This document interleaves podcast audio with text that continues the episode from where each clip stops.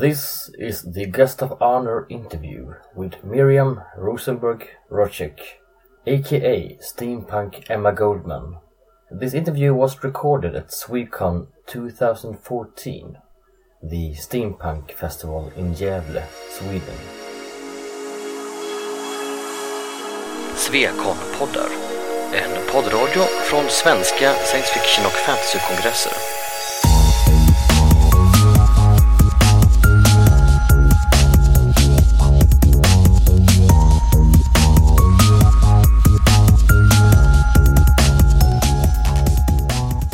So, I'm here to talk to steampunk Emma Goldman, whose real name is Miriam Roček. And uh, my name is Mohammed Omar. I'm a poet. I'm not a steampunk expert, but I'm a steampunk fan. I've been for a few weeks at least. this is my book, my collection of poetry. There's some steampunk in it. If you have, if you have some imagination, you can find some steampunk in it. So, uh, Miriam, uh, which comes first, Emma Goldman or steampunk? Well, historically, Emma Goldman, uh, because she was a real person Yeah. um, who was born in 1869. So she by far predates uh, the existence of steampunk. For me, performing as her, my interest in steampunk predated my performance of, of Emma Goldman, but I became really interested in the way that I found steampunk um, sort of glorified and celebrated artists and scientists of the 19th century, but didn't have a lot to say about activists or um, or sort of political thinkers of the 19th century. So I found one who I thought was particularly interesting and who sort of spoke to me uh, in particular, and I started bringing her to steampunk events. So uh, you discovered Emma Goldman before discovering steampunk. Uh, yes, well, I, I knew about her. I knew about her as a historical figure, um, but it hadn't occurred to me to try to uh, do anything performance related or writing related with her until I until I started hanging out with the steampunk community. Actually, I was inspired by you to do a steampunk Ivan Aguéli, who was a Swedish painter. And uh, a period of his life, he was also an anarchist in Paris in the 1890s. And he was actually born the same year as Emma Goldman. He was born in 1869, in May, and Emma Goldman was born in 27th of June. Her birthday was yesterday. Yes, Have you celebrated? yes. Well, I was I was here, so I, I celebrated by going to the Joe Hill Museum. Yeah. And uh, Joe Hill, you have some connection to him as well from before. Oh well, he was he was a significant um, figure in the American labor movement and anarchist community, um, and he's very much a, a sort of symbolic figure. Um, but you know, he, he was also important in that he he contributed to the culture and the uh, the movement of the time. And how do you do your Emma Goldman character? Is it through blogging, through? It's activism? primarily it's primarily online, um, but I do also do um, sort of performances and, and appearances as Emma Goldman. I'll be um, doing one tomorrow um, when I'll be delivering a, an essay that she wrote about about anarchism and about uh, her vision of, of the future of America. Um, I'll be doing that tomorrow. I've I delivered the same speech um, in Zuccotti Park during the uh, during Occupy Wall Street where it was really well received, um, where people reacted really well to this sort of like 19th century anarchist philosophy. Um, and I'll be, uh, I, I, I sort of participate in, in anything that people people think steampunk Emma Goldman would fit in with, mm. which has tended to be largely um, not steampunk events, but political mm. events. And I, I found that in the United States, when I arrive at a steampunk event mm. as Emma Goldman and say, Hi, I'm an anarchist and I'm here to, to talk about issues, steampunks will kind of go, Well, hang on, we're trying to have fun here. Why do you want to talk about politics? But when I show up at an anarchist event and say, Hi, I'm steampunk Emma Goldman and I'm here to talk about 19th century politics, they say like, "Oh, great, you're a time traveler. That sounds fun. Let's yeah, let's talk about science fiction and politics. Let's do it." You know, so I've, I've found that there's um, there's almost a, a greater willingness of political of people who, who are already thinking about politics. They they're almost more willing to uh, to step back and have fun with what they're doing and people who are already just trying to have fun have this real strong reaction against trying to involve politics in it, mm. as though talking about politics isn't fun. You know, I mm. think I think talking about politics is a lot of fun, but people um, sort of have this gut reaction of like, wait, that sounds like that sounds like work. I don't know if I mm. want to do that. You know. Maybe some of them are not a, a, apolitical. Maybe they have a different political view and they just don't want to get into debate or controversy or something like that. I think that that is a factor, but well, I think a lot of people. Um, I've, there's a sort of phenomenon of, of people who will say, "Well, I don't, I don't want to talk about this because I'm not political. I'm hmm. apolitical." When being apolitical is, of course, a political statement. Hmm. There's really no such thing as being apolitical. By choosing not to engage with politics, you have taken a, a position. In hmm. act, you know, you can't. There's an expression: you can't be neutral on a moving train, right? You're either being moved forward by what's happening, you're tr- or trying to change it. But there's really no position of, of true neutrality. Yes. Couldn't it, um, you know, be risky to mix play and politics? Because when you're, for example, expressing a point of view, when you're your character, I mean, how can people be sure that it's your character speaking, or it's is it Emma Goldman or is it Miriam speaking? I mean, if you, for example, if you would stir up a controversy, you could always say that it wasn't me, it was my character. So, I mean, it can be confusing. Sure. I mean, I'm, I'm not very concerned about it, primarily because I think in spirit, Emma Goldman and I agree on the majority of subjects. I think there are, there are things that we would probably argue about because she argued with everybody in the entire world. but uh, I, I don't think that there are, I mean, th- and there are certainly ideas that she expressed that I would not, that I would not personally have expressed. So you sometimes Um, disagree with your character. I do, um, but I'm I'm not very concerned about people um, getting confused about the two. Primarily because you know if I'm if I'm talking about ideas that she historically expressed that I don't know that I would agree with, like for for example. Um, she very, very vocally and passionately defended um, Leon Czolgosz, who was the man who assassinated uh, President William McKinley Yeah. which most other anarchists did not defend because most other anarchists said, you know, ultimately I think this hurt the movement. Ultimately, I think this hurt a, a lot of um, a lot of people in a lot of ways. That uh, the guy who replaced him was Theodore Roosevelt, which was terrible. He, Um, hated, he hated Emma Goldman. he yes, he hated anarchists Yeah, a yeah. lot. Um, you know, so so when she would, but but I'm not I'm not super concerned that people are going to go around thinking that I support the shooting of William McKinley because that's you know not a pressing uh, political issue at the moment. You know. Um, so I, I wouldn't say that I'm, I'm concerned about people confusing my opinions with Emma Goldman's. And if they do, you know, I think that, that that's a discussion that can be had. And, and any points of any points that happen to come up where I where I express an opinion as her that I'm not prepared to. Uh, there, there's no express um, opinion I would express as Emma Goldman that I wouldn't be prepared to discuss as me.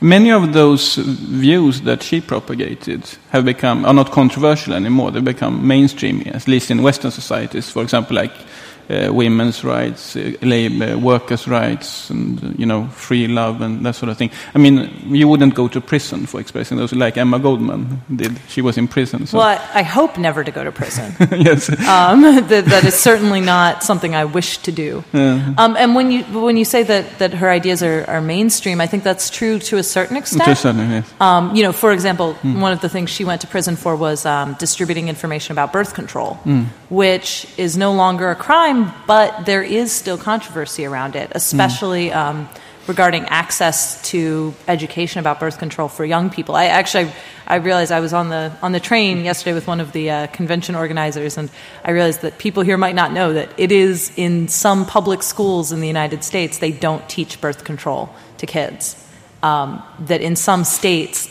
it is not legal to teach how to use birth control in the public schools. They teach mm. something called abstinence only education, mm. which is a class where they tell kids not to have sex. Shockingly, kids continue to have sex. Who could have foreseen this turn of events, right?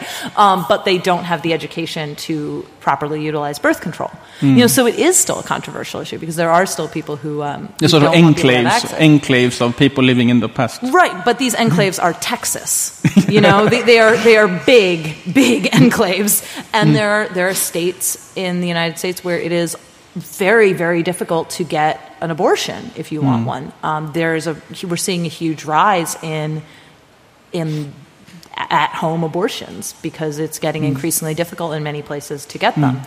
Um, you know, so the, that that is still, even though that's seen as an issue where she, hmm. where her side really won, it's still not over. And hmm. workers' rights, again, you know, still not an issue that's hmm. that's over. The struggle is going Is very much still ongoing. And then, especially in the third world countries. I mean, yeah, and, and yeah, that's, I mean, the United States and Western Europe has been very good at um, exporting their sweatshops, but they certainly haven't stopped having sweatshops.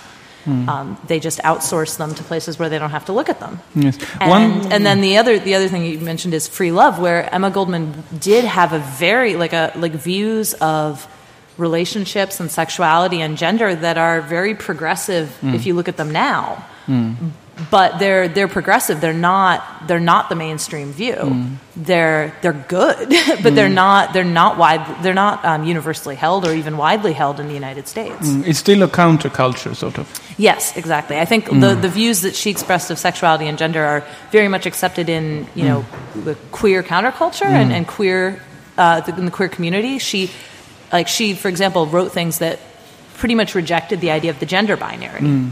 And while that's very much um, accepted in certain in certain groups, there, there that is still an ongoing issue that people have to explain um, that the gender binary is not necessarily a, a good starting point for. She was quite before her time, you could say. Oh, absolutely. Yeah. One one of her contemporaries described her as saying he said that the only problem with Emma Goldman is that she's eight thousand years ahead of her time. Yeah, and one part of one element in uh, in steampunk is techno fantasy.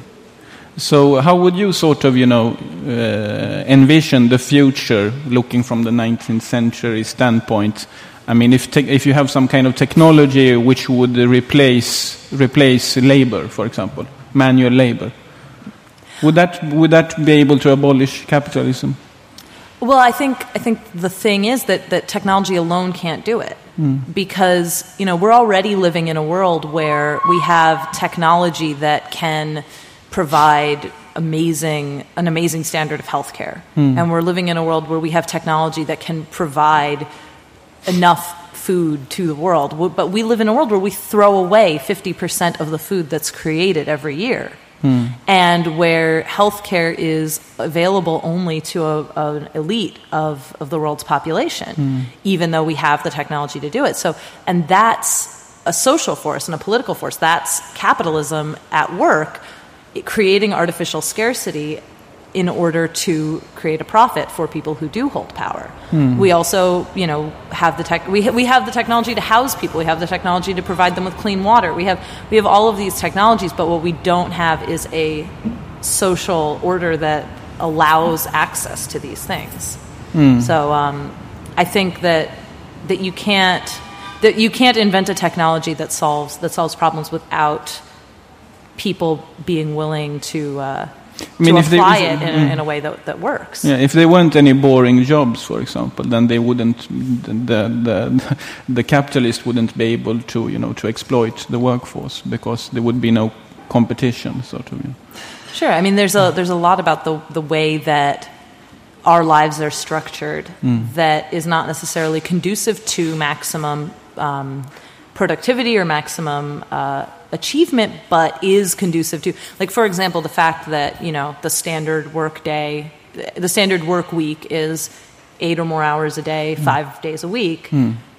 Is not actually conducive to the maximum output of, of work for most people, like especially office workers. It's they've been they've done many studies that like three to four hours you can get done most of the work that an office worker will do in a day. But if you're working eight hours a day, you're going to start outsourcing things that you would normally do yourself. You're going to start buying prepared foods instead of cooking for yourself.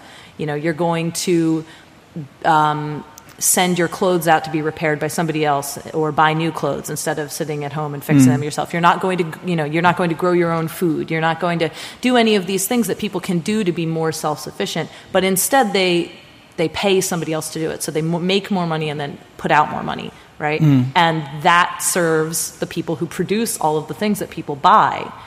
So it, it the system is not actually working well for the majority of people living in it, but it is working well for the system as a whole and the people who sit on top of that system.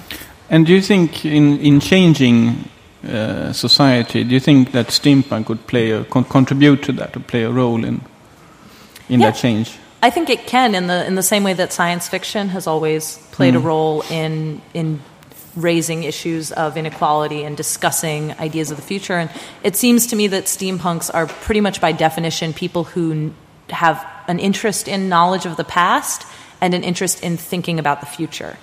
And it seems to me that that's a really good position to be in for um, creating change. And how do you think uh, Emma Goldman's Ut- Utopia would look like? From, in, from a steampunk perspective, 19th century science fiction perspective. She refused to to speculate um, too specifically about about a future society. Um, she said that it was that, that it was impossible to know what humans were capable of until they had been liberated, um, and that that we can't that we that we living how we do can't imagine what we could be a capable what we could be capable of without and the the sort of the things that she saw as holding us back were um, class were, were capitalism the state and religion. Um, and so she saw that that those were sort of holding us back from achieving our true potential and that once those were gone she was sort of unwilling to speculate as to what we could achieve. And, um, you know, some parts of steampunk talk about colonizing other planets and stuff like that. So if you would be Emma Goldman, steampunk Emma Goldman, you'll find a, you know, a barren planet, a new, you know, uh, place to start from scratch society. How would you build that society? I mean, how would it look like? If I were to On to, like, Mars or start, something. oh, okay. um, well, I don't know if I would if I would say that I would want to, to start from there because it, Mm. it seems to be that it seems to me that, that we can we can do things on Earth. We don't we don't need to start over again on a Mm. on another world. I do think that that makes like a very that that can make for a really interesting um, narrative. Like, there, have you read the um, if anyone's read the the Mars trilogy by uh, or not the Mars trilogy the Red Mars Red Mm. Mars Green Mars and Blue Mars. Yeah, I haven't Kim read it, Stanley but I've, I've, I've listened to him. Yeah. Uh, yeah, and I've, I've read about them. uh, is a really interesting depiction of that. And I mean, we've we've had that on we've we've had attempts to do that uh, on Earth. You know, people sort of strike out to create their own society, and I think that that can be really great, but it, it's so limited in scope, and it's so limited to the people who choose to participate, like who who choose to be like, well, I'm going to go off here and I'm going to try and start something new. It can be very um, isolating and limited, but I think that there's it's probably better to to stay on this planet for the moment until we destroy it completely, you know, and uh, and see what work can be done here. And I I mean, saving this planet from environmental degradation and, and destruction is is a pretty pressing goal, I think. Um, and, Did- and the idea that well we can just flee to Mars when the when the seas rise is is probably not a great mindset to have because it sort of strips us of the responsibility for taking care of what we have. Did she talk about environment as well? Uh, she did not. That was not. That was actually not an issue that that people um, had that really had been brought out at that point. Um, the environmentalist movement, like, it just hadn't really gotten going. Um, preserva- the preservation movement had started, but in the United States, at least, it very much was. Well, let's set aside some national parks so that enough wilderness exists for Teddy Roosevelt to shoot at it. You know, um, it wasn't. There was not an idea of sort of um, that that the Earth had limited resources and that we needed to, at least not not to my knowledge, not in any big, not in any big way. Um, I don't think so. And she was quite enthusiastic about the Russian Revolution in the beginning, but then she got a bit disappointed, isn't it? She was, yeah. Yeah. She um, she was deported to um, to Russia after World War One. Um, she had been in prison in the United States for opposing for opposing the draft, and um, was ultimately sent to Russia, which she thought was going to be great. Uh, and then was very quick to start arguing that this is no, this is not it. This is not the revolution that we wanted, and this is not the revolution we were looking for. Even at a time when leftists worldwide were saying, like, "Yes, it is. Shut up. You know, this is this has to be it. This is the only one we've got." Um, and we're sort of at that point still very quick mm. to ignore what was really happening. So mm. she was really one of the first voices on the left to say, you know, no, look, I've, I've seen what's going on in Russia, and it's not the revolution that we had been working for. Mm. So she was, she was a disloyal revolutionary. Uh, I think she would have said that the revolution was disloyal, that, that it was ideas. not, yeah, that, that it was not, that it, the revolution did not live up to the the expectations, and that, that the people who were behind it in Russia had goals of their own in terms of seizing power, mm. and that it was not a true workers' revolution. Mm. And how much in your thing, so to say, would, would you would you consider to be fun, and how much is you know serious and I guess I, I don't divide between fun and serious. Mm. You know, like I, I try to um, have anything, any discussion of history can like be, can be fun, and it can also lead to important discussions. And I think that that's you know that that can all go together. And like um, a lot of the people who who follow my page on my my Facebook page or my blog are really well acquainted with a lot of the personalities that were at work in you know in Emma Goldman's life and in that era of um, revolutionary thinking. So like it can it can be like sitting around gossiping about you know Mm. stuff that happened a, a hundred years ago, which is is fun, but also I think important in that it, it is an examination of history and an examination of how revolutionary movements function mm. and how activist groups function. Most of the time, when it, we talk about politics or being political, we sort of imply leftist politics, anarchism or socialism or feminism or something like that. But what about those people who try to put in right-wing politics into the steampunk subculture? I mean, there are some people are doing it, Yeah. but they are satirical. You know, they are being Well, ironic are or something. though? I can never. But but what about somebody saying, "No, I wear this u- uniform and I'm for real"? yeah, and I, I definitely I encounter those people, and I, I definitely encounter other people who will say, "Oh no, it's satire," yeah. and I'll, I'm like, "Well, but in what sense is it satire?" And they're mm. like, "Because I said so," you know. Mm. But they're actually playing it very straight. And that, I like that blog of yours where, where you sort of, you know, you, you bring this counter argument where they say that, no, I'm, I, I don't like the politics, but I like the style, the uniforms Right. and whatever. And then you say that, what, but look at these uniforms. They're, they're quite as, you know, cool as, tho- as those fascist uniforms. Right. So And you, I you can the- be cool and be progressive, you know. Yeah, the, and the, the sort not- of argument that like, oh well, I don't really care about all of the associations that this outfit has. That I Hmm. just like the aesthetic of it. Sort of. I mean, that's Hmm. nothing exists in a vacuum like that, and you can't say, oh well, I'm just you know. That's the, that's the whole point of a uniform is that it has associations, Hmm. right? To to say that you're just ignoring everything that the thing means, like that.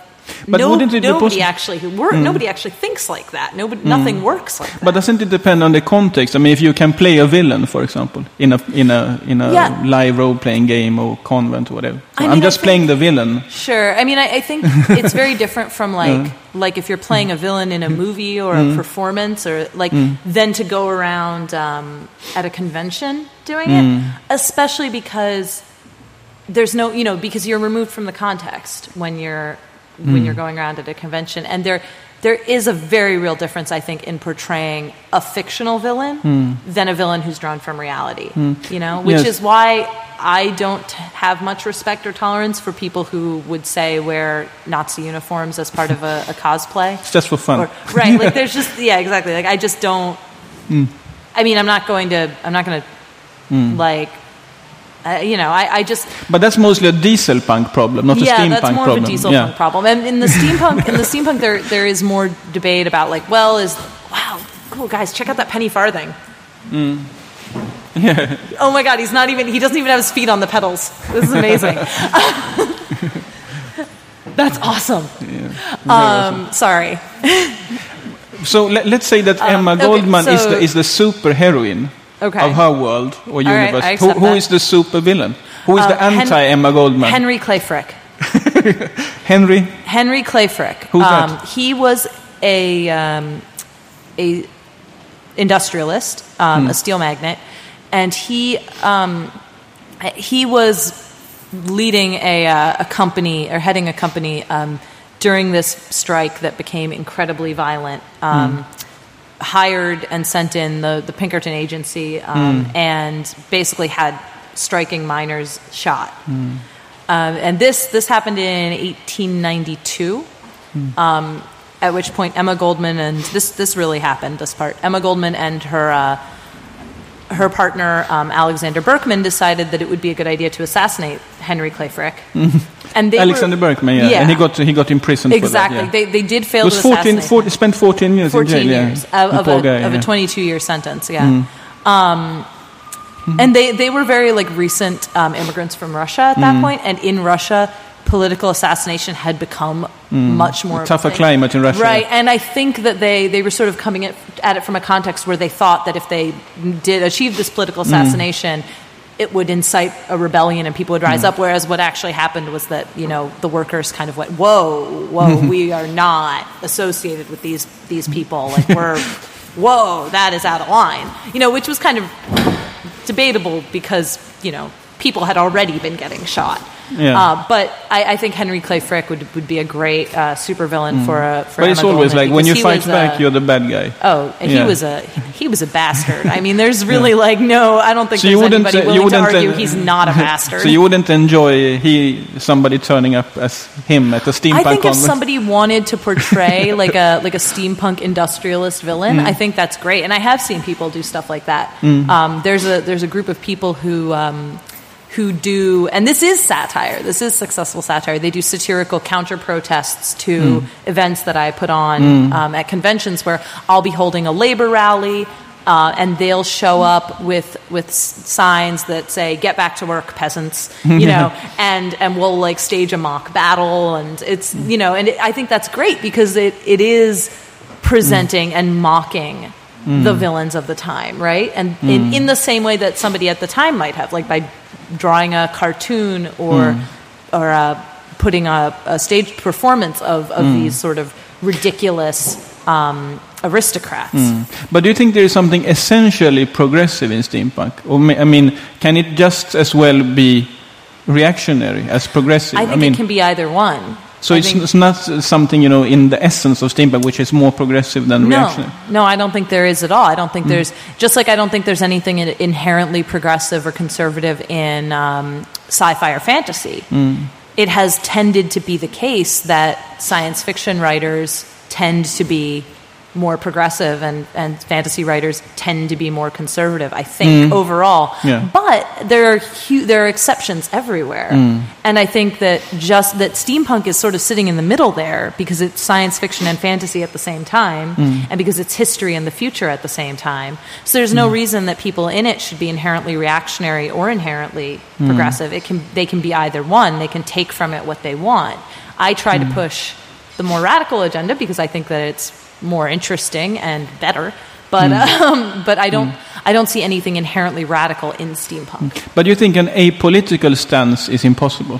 There's nothing like I just don't think having there's fun. any such thing as apolitical. Mm. I mean, you can be, you know, an action can a small action can be apolitical, but everything has a larger context. Mm. And so if you're doing sort of a, you'll you'll see these um, people doing steampunk who do kind of like an unexamined, um, uncritical portrayal of, say, you know, the British Empire. They may view themselves as, as apolitical, and they may view themselves as not putting forward a, a political position. But what they're doing is upholding a legacy of imperialism, right? And because of the selective portrayal of reality. Right. I mean, they're not showing how the other people are living and yeah, the oppressed people. Well, and they're not showing a critical Mm. portrayal. They're showing the British Empire as they believe the British Empire kind of wanted to be portrayed. Mm. So, I mean, that that's not an apolitical position. If you, you know, any any portrayal of a historical era Mm. by a contemporary era Mm. imposes a narrative on it, right? It imposes an interpretation on it. So that's that's a political act, no matter you know, no matter what kind of thinking goes into it. And I think it's better to approach it from a place of of criticism and and um, analysis than to just do a sort of uncritical thing. I think that we should invite the audience now to ask questions. Yes, please. Yes, I, I wonder what um, Emma Goldman would have said about the it's a middle class movement with intellectuals. Okay. It's not the, the workers or so, not the peasants. What would she really say? Well, I don't think I don't think Occupy was an entirely middle class movement. Um, but I think it was it was largely. Um, but I I mean I think Emma Goldman would have had some. It, I think it also it would depend when you got her, when in her life, um, because there were also like a lot of the Russian revolutionary movements involved. Like a lot of people, like the people who uh, the majority of Occupy, you know, young students, right? Um, that was a big. That has always been a big revolutionary faction, and I think she would have sympathized with a lot of Occupy's goals and uh, and ideas. I think she would have uh, been. I think she would have been a critical supporter. You know, I think she would have been somebody who supported. Like this is this is my you know my guess. I don't know because I'm not actually a time traveler. um, I think though that she would have been somebody who supported but had criticism for the Occupy movement. Uh, what was her relation to popular culture, literature, fiction? Oh well, she uh, she actually wrote a lot of. Um, she wrote some literary criticism, specifically about drama, um, about plays. She uh, she was a big fan of um, uh, George Bernard Shaw and some other contemporary dramatists of the day, who she felt dealt well with class and gender. So she she did engage with that stuff, and she also like if you read her autobiography, she'll occasionally mention something like.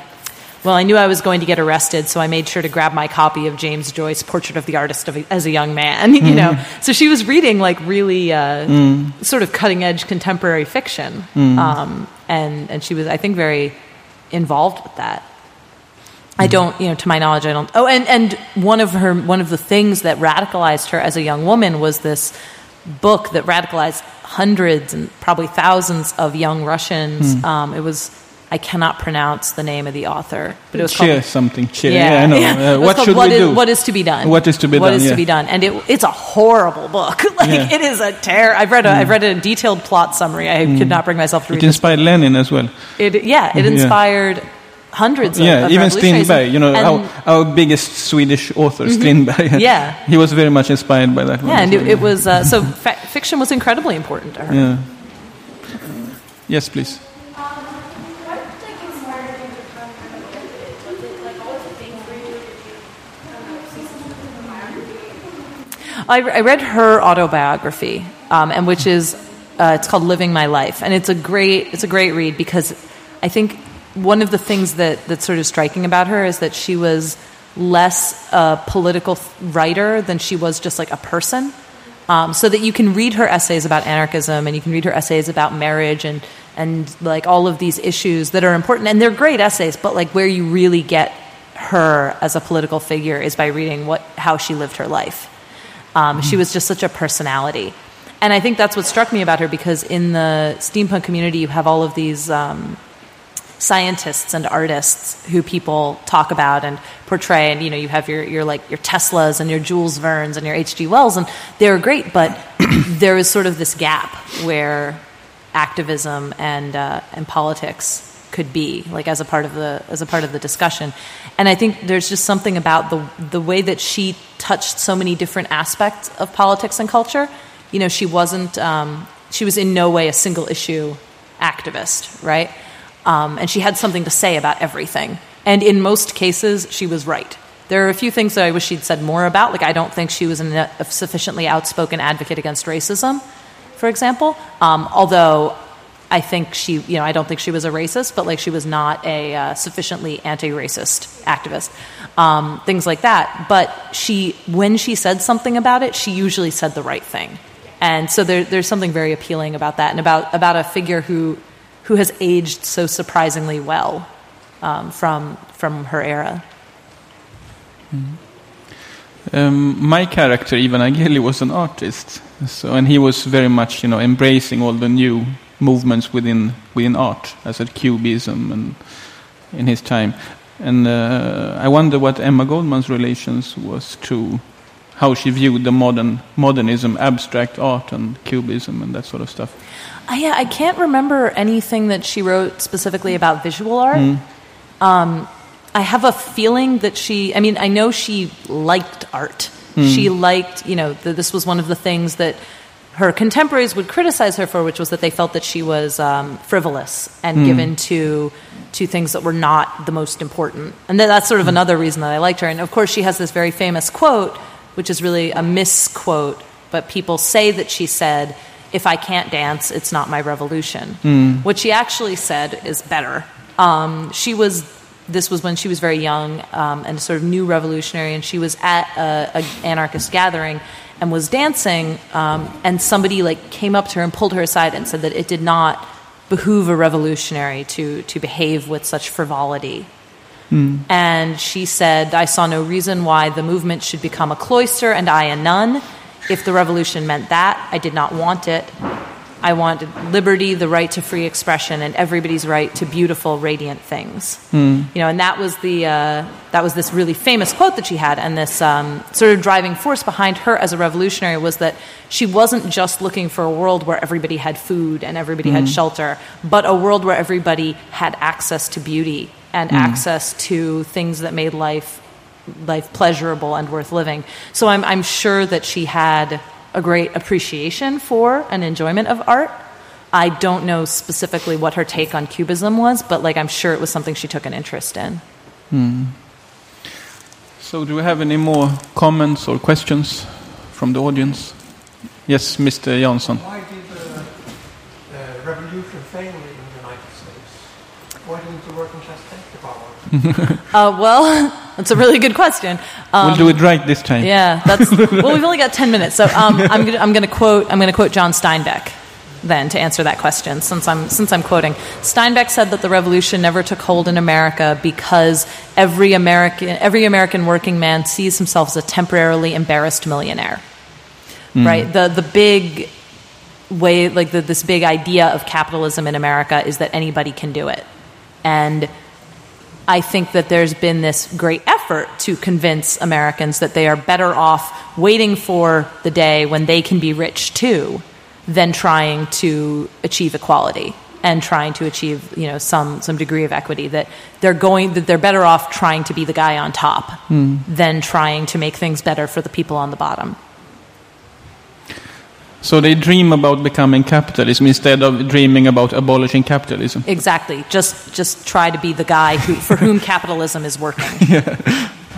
I've also heard that the, the split between black and white, the ra- racist agenda in the United States, was useful. Yeah, I mean the the labor movement really failed um, in terms of race. Like the 19th century labor movement, often you know unions as soon as they were established would start being used as gatekeepers to keep um, black and Asian and Latino people out of out of jobs, right?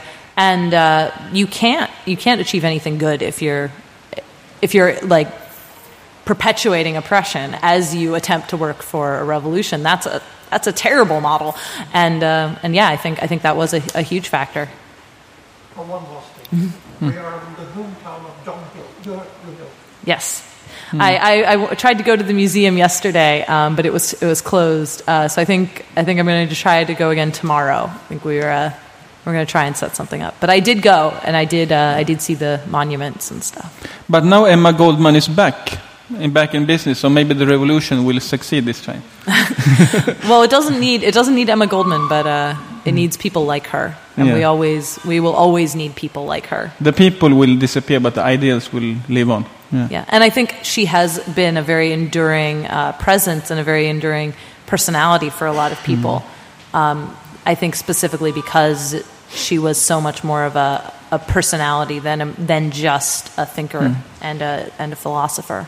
But she was really big in her days in America. I mean, she traveled all Oh, around yeah. the country, and big crowds, thousands of people came to listen to her. Yeah, I mean she was she was big enough that uh, that she was deported. You know, she was big enough that that she was that it was a priority for the United States government to get rid of her, um, which is you know I think something of an achievement.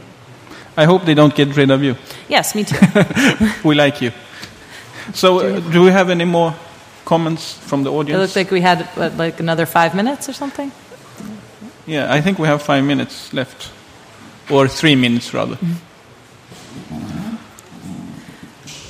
Yes. What about the government's international context? Um, well, yeah, I mean that she spent a lot of time abroad, especially after um, after the Russian Revolution, um, because there was, I guess, we, we sort of stopped her story with the deportation. She got to Russia, realized it was terrible, and then, as many people who were in Russia and did not like uh, the communist leaders, uh, she ended up having to leave. She came to Sweden uh, in I think 1924. Yes. Did she meet uh, Ellen Key? I don't know, and I've actually I've been trying to research more into her Well, time in perhaps- Sweden. Perhaps you met Kata Dahlström. Kata Dahlström, the mother of the labor movement here in Sweden. I mean, she's very similar to Emma Goldman, actually. And they talked about almost the same things, like contraceptives and stuff like that. I'd, I'd love to know more about her time in Sweden because um, I, I don't. It's not extensively covered. Part of the reason it's not extensively covered in her autobiography is because one of the things that happened when she was in Sweden was she met a boy. she she had a, a sort of whirlwind romance that uh, that took up a lot of her attention while she was in Sweden.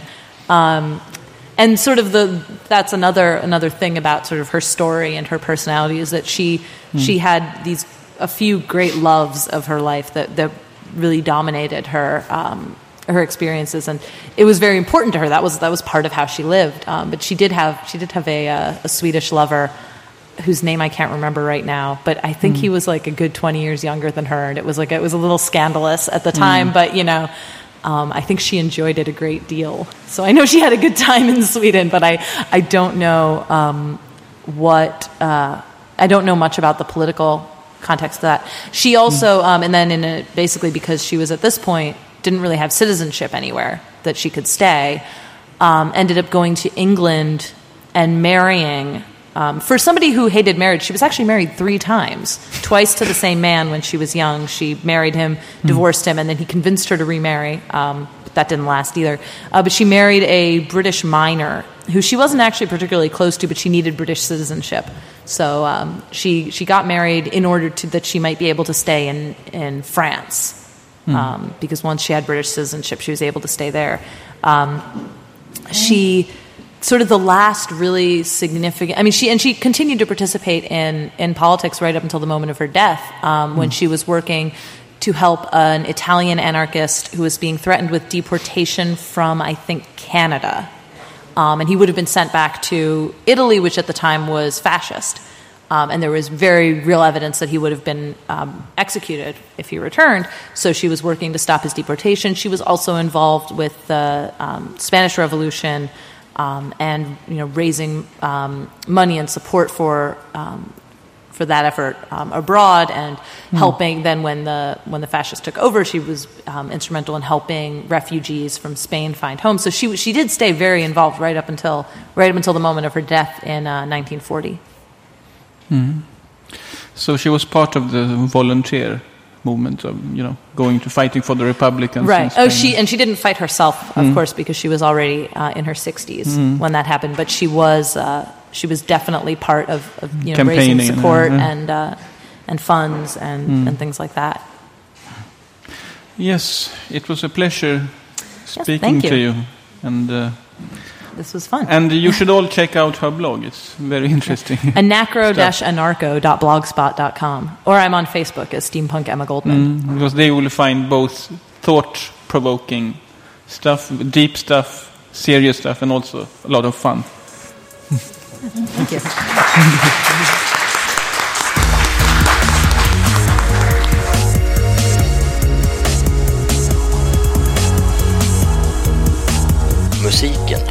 Psychedelic Pedestrian från Free Music Archive.